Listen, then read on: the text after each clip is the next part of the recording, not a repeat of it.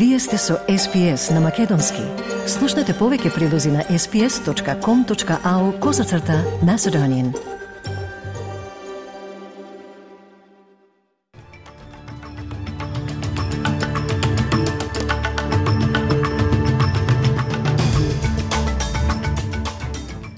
Од денешниот билтен вести издвојуваме. Квантас објави рекордна основна добивка од 2,47 милиарди долари.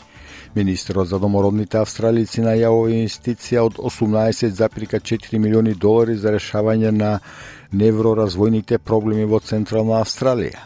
Руските власти соопштија дека шефот на групата Вагнер Евгений Пригожин е меѓу патниците во авионот што се урна при што загинаа сите во авионот. И американскиот заменик помошен државен секретар Габриел Ескобар во посета на Скопје.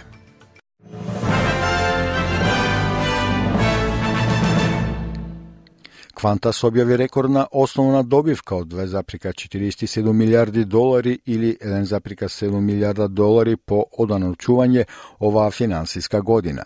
Тоа е првата цела година што авиокомпанијата објави профит од пандемијата со COVID-19, кога Квантас загуби 7 милиарди долари во текот на три години. Групацијата Квантас вели дека причината за профитот е завршувањето на низината програма за обновување вредна 1 милиарда долари, зголемувањето на летовите за 132 одсто и силната побарувачка за патување што доведува до значително повисоки приходи. Првиот човек на Квантас, Алан Джойс, вели дека доснењето и откажувањата на летовите во голема мера се вратели на нивоата пред COVID, што е води компанијата до силен профит и довод на инвестиции вредни милиарди долари. Господин Джойс вели дека домашниот капацитет се вратил на нивоата пред COVID-19, додека меѓународниот капацитет е на околу 80% од нивото пред COVID, велејќи дека се очекува авионските билети да поевтинат. Between December of last year and the middle of this year, international airfares have come down already by over 11%, and we're expecting them to come down even further in the next year as those 6.4 million seats are added into the international market. Господин Джойс додаде дека Квантас вратила над милиарди долари кредити за COVID-19 бидејќи компанијата се соочува со колективна тужба со која се бараат милиони долари повратна средства и компензација за клиентите кои имале откажани летови за време на избувнувањето на пандемијата со COVID-19. Овогодинешниот меѓугенерацијски извештај е објавен денеска и треба да открие дека економскиот раст ќе биде бавен во текот на следните 4 децении во споредба со предходните. Извештајот е начин да се процени како ќе функционираат тековните владини политики во следните 4 децении, а се бара на секои 5 години според законот за повелба за честност на буџетот од 1998 година. Извозот на критичните минерали во Австралија се предвидува да се удвои во текот на следните пет години, но благајникот се соочува со повици да биде поамбициозен со даношните реформи. Се предвидува дека глобалната побарувачка ќе се зголеми за 350 одсто до 2040 година, позиционирајќи Австралија да ги искористи предностите на растечката индустрија со своите огромни резерви на литиум, никел, цинк и боксит.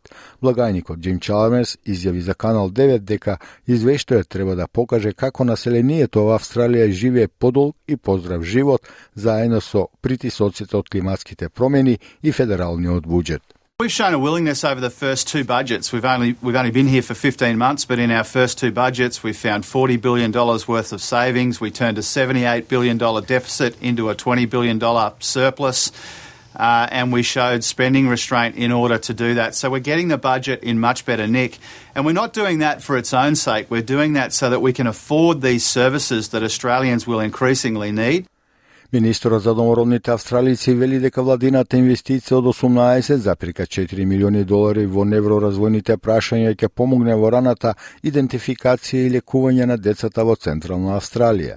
Министерката Линда Барни вели дека тоа е дел од 250 милиони долари за финансирање на федералната влада за Централна Австралија. Таа вели дека тоа е од витално значење за подршката на развојот на младите луѓе и ќе биде спроведено од доверливиот Централно Australijski aboriđinski kongres koji funkcionira 50 godini. There are many children uh, that will be able to be reached now that were not able to be reached in the past uh, to diagnose things like FASD, to diagnose ADHD and autism. Uh, we know that these issues, if, uh, if diagnosed early, uh, can be really important in terms of a child's development. Независниот сенатор Девид Покок ги осуди политичарите кои им кажуваат на гласачите дека нема доволно детали за домородниот глас до парламентот, опишувајќи ги како, цитирам, неискрени и непочитувачи. Затворен цитат. Сенаторот Покок на регионалниот форум во Нов Јужен Вилс изјави дека политичарите знаат дека парламентот ќе донесе законски детали за гласот доколку гласањето за успее на референдумот. Тој ги повика колегите парламентарци да ја почитуваат демократијата на Австралија и да се држат до фактите во секоја дебата. Независниот сенатор рече дека предложениот домороден глас до парламентот е символичен, но и длабоко практичен во обезбедувањето на луѓето од првите нации да имаат збор за политиките што влијаат врз нив. Премиерот Ентони Албанезе во среда ќе го открие датумот на референдумот во Аделајд, охрабрувајќи ја кампањата за уставни промени. Властите во Австралија предупредуваат дека источниот брег се соочува со зголемен ризик од шумски пожари ова пролет, што доведува до ран почеток на опасниот период. Големи делови од северната територија, Квинсленд и Нов Јужен Вилс и некои региони во Викторија и Јужна Австралија наскоро би можеле да забележат зголемени температури. Примарната закана се брзите тревни пожари со тригодишни релативно влажни услови на ланиња кои поттикнуваат неверојатен раст низ целата земја, како и грижа за шумите што не изгореа во разорните пожари од црното лето во 2019 и 2020 година. Шефот на австралискиот департмент за пожар и прва помош Роб Веб вели пораката се уште е многу силна, а тоа е да се има план на подготовка пред да почнат да се зајакнуваат ветровите и температурите да почнат да растат. This outlook isn't worse than 2019, but the messages are still very strong to have a plan and prepare. Do it now before the wind starts to pick up, before the temperatures start to rise.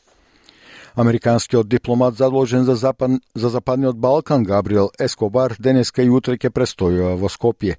Тој ќе има средби со премиерот Димитар Ковачевски, со председателот на државата Стево Пендаровски, како и со лидерот на ВМРО ДПМН Христијан Мицкоски.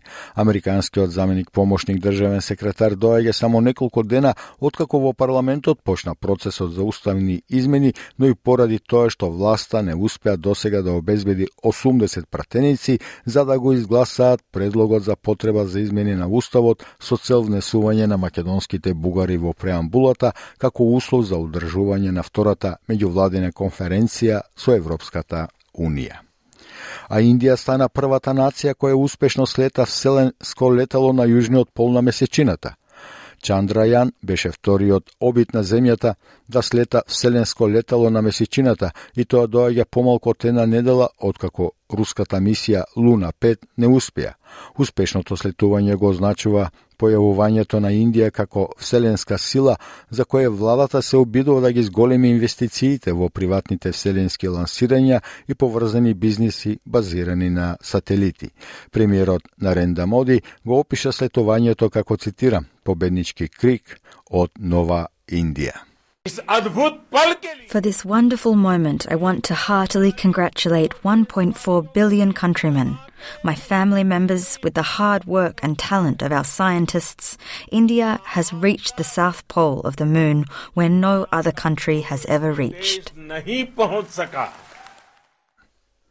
Украинскиот амбасадор во Австралија вели дека не бил изненаден доколку рускиот председател Владимир Путин е одговорен за авионот кој се урна и наводно ги уби сите патници во авионот, а кој како патник го наведе и началникот на патениците Евгений Пригожин. Васили Мирошчиненко за Канал 9 изјави дека се уште не е јасно какво влијание ќе има ова власт врз руската војна во Украина која продолжува. So this is pretty typical story for Russia. Um, dictators do it. Uh, it's a totalitarian regime, and um, anybody who's, who challenges the boss, um, it's they don't really it doesn't go well for them, and uh, and the fact that uh, we'll see what's going to happen now. Uh, will it cause a major chaos or, or not? Руското министерство за ворени ситуации соопшти дека авионот кој патувал од Москва за Санкт Петербург се урнал во близина на селото Куженкино во областа Твер. Се наведува дека во авионот имало 10 луѓе, меѓу кои и тројца членови на екипажот. И од спортот, австралиската скокачка со стап Нина Кенеди се искачи на нови височини издрмнувајќи се за златниот медал со американката Кейти Мун во драматичното финале на светското првенство атлетика во Будимпешта. Кенеди два пати го собори собствениот национален рекорд со прво со првиот скок од 4,85 метри и храбриот трет и последен скок од 4,90 метри. И во двата наврати актуалната светска и олимписка шампионка Мун ги задржа нервите да и парира на австраликата, па на крајот и двете се радуваа на златниот медал.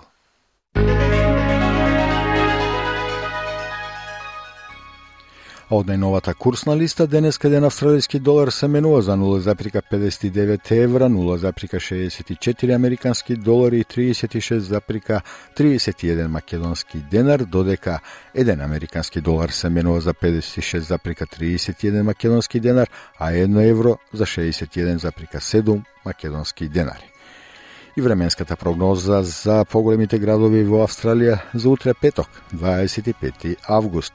Перт сончево со температура до 26 степени, Аделај делумно облачно до 20, Мелбурн претежно сончево до исто така 20 степени, Хобарт кратки и слаби повремени врнежи до 14 степени, Камбера утрински мраз, потоа делумно облачно до 18, Сиднеј сончево до 22 степени, Бризбен претежно сончево до 25, сончево и во Дарвин до 35 степени, сончево и во Алис Спрингс со температура до 27 степени.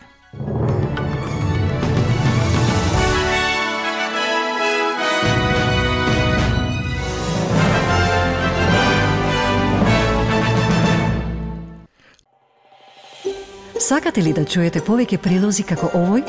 Слушате подкаст преку Apple Podcasts, Google Podcasts, Spotify или од каде и да ги добивате вашите подкасти.